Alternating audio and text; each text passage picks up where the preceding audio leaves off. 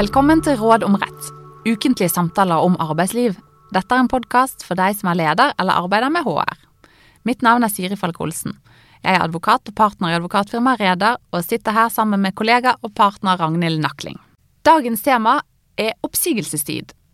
Ragnhild, du har en ansatt som er 56 år, og som har jobbet i virksomheten i over ti år. Nå har han sagt opp for å begynne hos en konkurrent, og du vil at han skal slutte så fort som mulig. Han sier at han ikke vil slutte før oppsigelsestiden er over, og det er først om fem måneder. Stemmer dette? Ja, det stemmer. Han har rett til både å jobbe og til å motta lønn, helt som vanlig, i oppsigelsestiden. Og siden han er 55 år og har jobbet samme sted i over ti år, så er oppsigelsestiden hans fem måneder. Alle som har byttet jobb, vet at etter man har sagt opp, eller blitt sagt opp, så har man en viss oppsigelsestid. Men hva er egentlig oppsigelsestid, Ragnhild?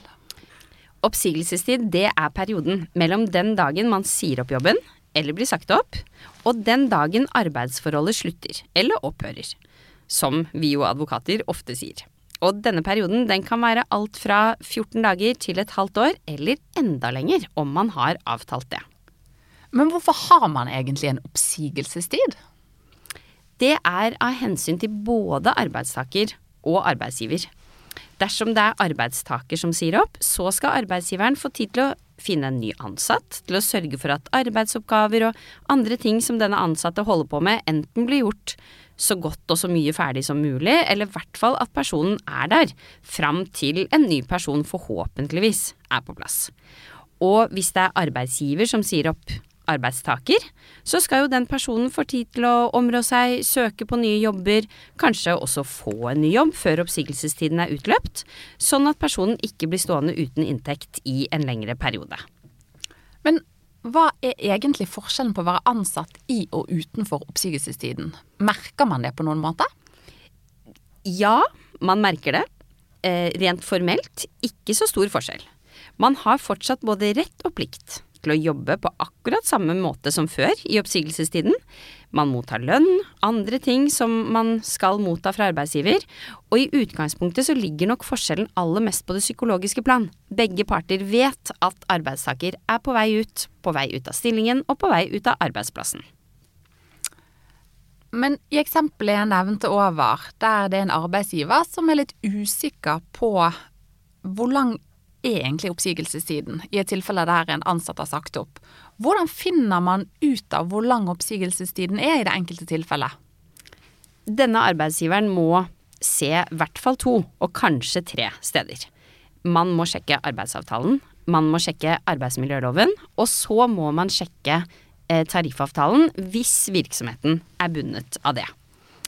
I arbeidsmiljøloven så står det jo at oppsigelsestiden skal stå i arbeidsavtalen. Og da gjør den jo forhåpentligvis det.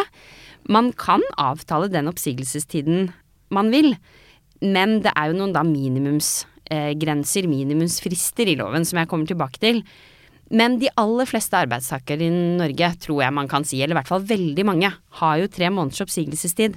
Enten fordi de har avtalt det, kanskje fordi loven setter den perioden, eller fordi det står i en tariffavtale som regulerer arbeidsforholdet deres. Vil du si at tre måneders oppsigelsestid er en slags normalordning i Norge? Ja, jeg tror man kan si det.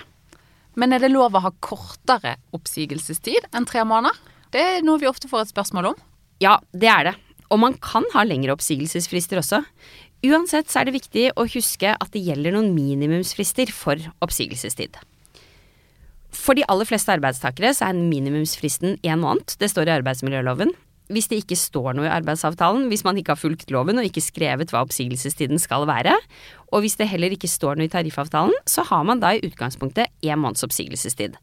Det kan komme som en overraskelse for egentlig både arbeidstaker og arbeidsgiver i noen situasjoner.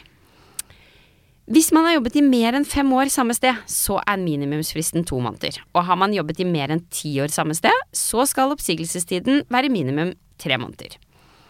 Den arbeidstakeren som jeg snakket om i starten av denne episoden, han hadde jo jobbet mer enn ti år samme sted. Og da har loven noen spesialregler, noen ekstra lange minimumsfrister, for det man kaller eldre arbeidstakere, i hvert fall da arbeidstakere over 50. Er man over 50 år og har jobbet i mer enn ti år et sted, så er oppsigelsesfristen minimum fire måneder. Over 55 og 10 år samme sted, så er den minimum 5. Og over 60 år og jobbet over 10 år samme sted, så er minimumsfristen 6 måneder. Og hva med eh, ansatte som er i prøvetid? Har de også eh, alltid en måneds oppsigelsestid? Nei, i prøvetid så er oppsigelsesfristen i utgangspunktet 14 dager. Selv om man også kan avtale en annen oppsigelsestid, i hvert fall en lengre. Så svaret på spørsmålet hvor lang er oppsigelsestiden, det vil altså være det kommer an på? Ja, dessverre. Det stemmer. Eh, det er mange ulike frister å holde styr på her for arbeidsgivere. Men det du må starte med, er å se på hva står i arbeidsavtalen. Så sjekker du minimumsfristen i loven, og så eventuelt eh, tariffavtaler, dersom dere har det. Men hvordan er det, går arbeidsavtalen foran loven, eller går loven foran arbeidsavtalen? Arbeidsavtalen går foran så lenge den ikke setter en kortere oppsigelsestid enn det som er minimumsfristen etter loven. Så om det står at oppsigelsestiden er én måned i arbeidsavtalen, men den ansatte har jobbet i virksomheten i over ti år, da kan du som arbeidsgiver ikke pålegge noen kortere oppsigelsestid enn tre måneder. For det følger av loven, og da går loven foran det som står i arbeidsavtalen. Men hvis det står i arbeidsavtalen at oppsigelsestiden er f.eks. fem måneder, så er det det som gjelder, selv om den aktuelle ansatte da kanskje bare har jobbet i to år, før personen enten sier opp selv eller blir sagt opp. Så da kan verken du som arbeidsgiver eller arbeidstakeren vise til at ja, men minimumsfristen etter loven, det er jo én måned for denne type arbeidsforhold. For dere har jo da avtalt en lengre oppsigelsesfrist, og den avtalen må begge parter forholde seg til. Og når begynner oppsigelsestiden å løpe? Når regner man egentlig fristen fra etter man har fått en oppsigelse fra en arbeidstaker, eksempel som du viste til? For de fleste arbeidstakere så er huskeregelen at oppsigelsestiden ikke begynner å løpe den dagen man sier opp eller blir sagt opp. Fristen regnes fra den første dagen i måneden som kommer etter etter den måneden hvor oppsigelsen ble gitt. Litt sånn krøkkete og lang formulering, det er også det som står i loven.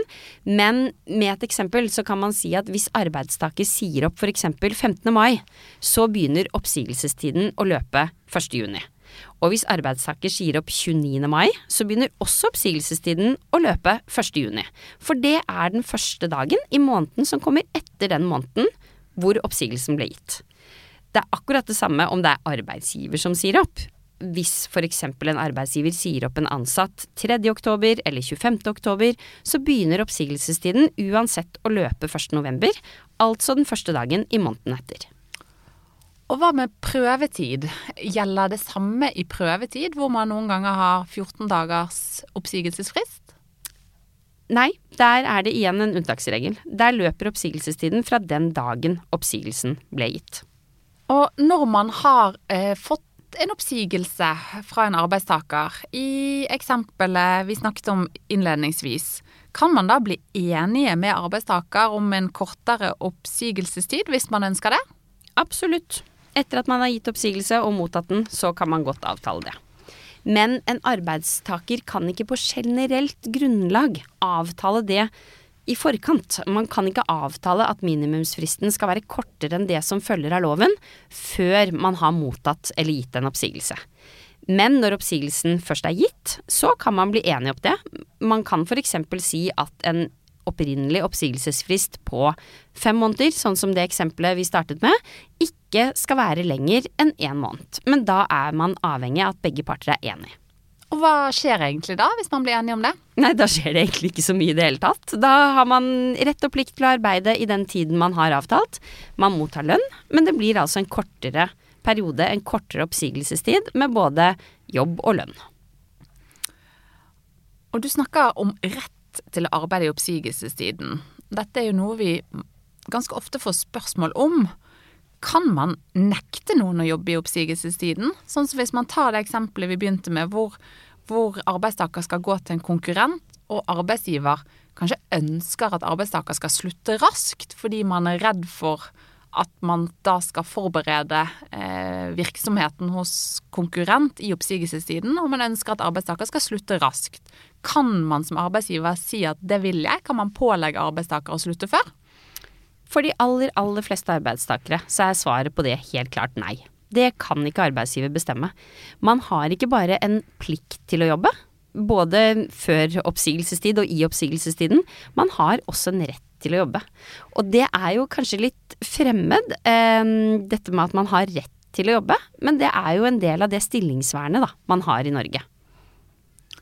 Men har arbeidsgiver muligheten til å avtale det med arbeidstaker? Kan man bli enig om at den ansatte ikke skal jobbe i oppsigelsestiden, men likevel få lønn? Det kan man. Det er helt i orden.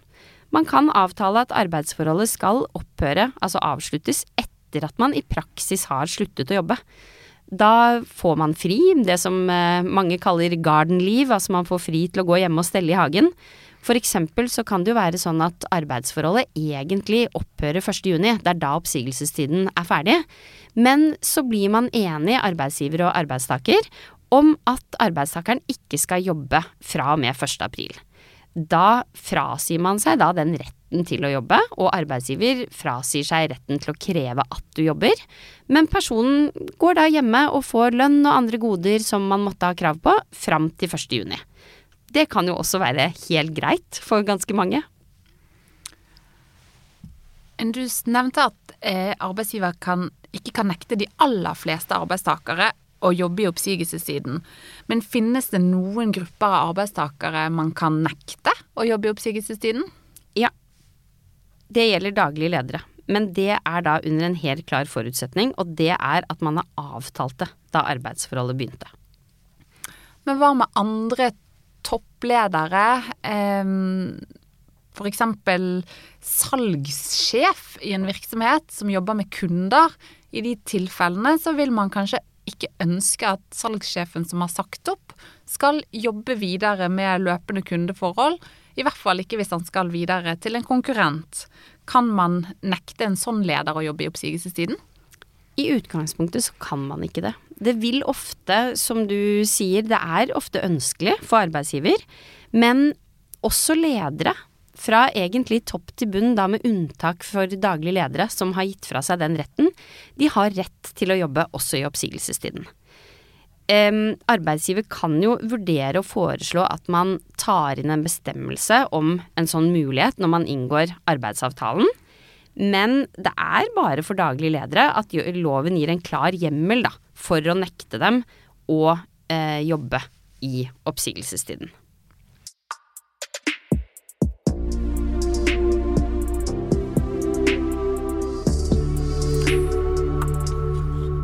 Så til slutt, Ragnhild. Hvis du skal gi arbeidsgivere viktige tips når det gjelder oppsigelsestid, hva må de huske på? De må sjekke arbeidsavtalen, arbeidsmiljøloven og kanskje en tariffavtale for å finne ut hvor lang oppsigelsestiden er. De må huske at arbeidsforholdet i utgangspunktet fortsetter som før i oppsigelsestiden. Men så må de også ha i mente at det er mulig å bli enig om en kortere oppsigelsestid etter at oppsigelse er levert og mottatt, hvis begge parter skulle ønske det. Det var det vi hadde. Vi kommer tilbake med nye tips og tema i neste episode.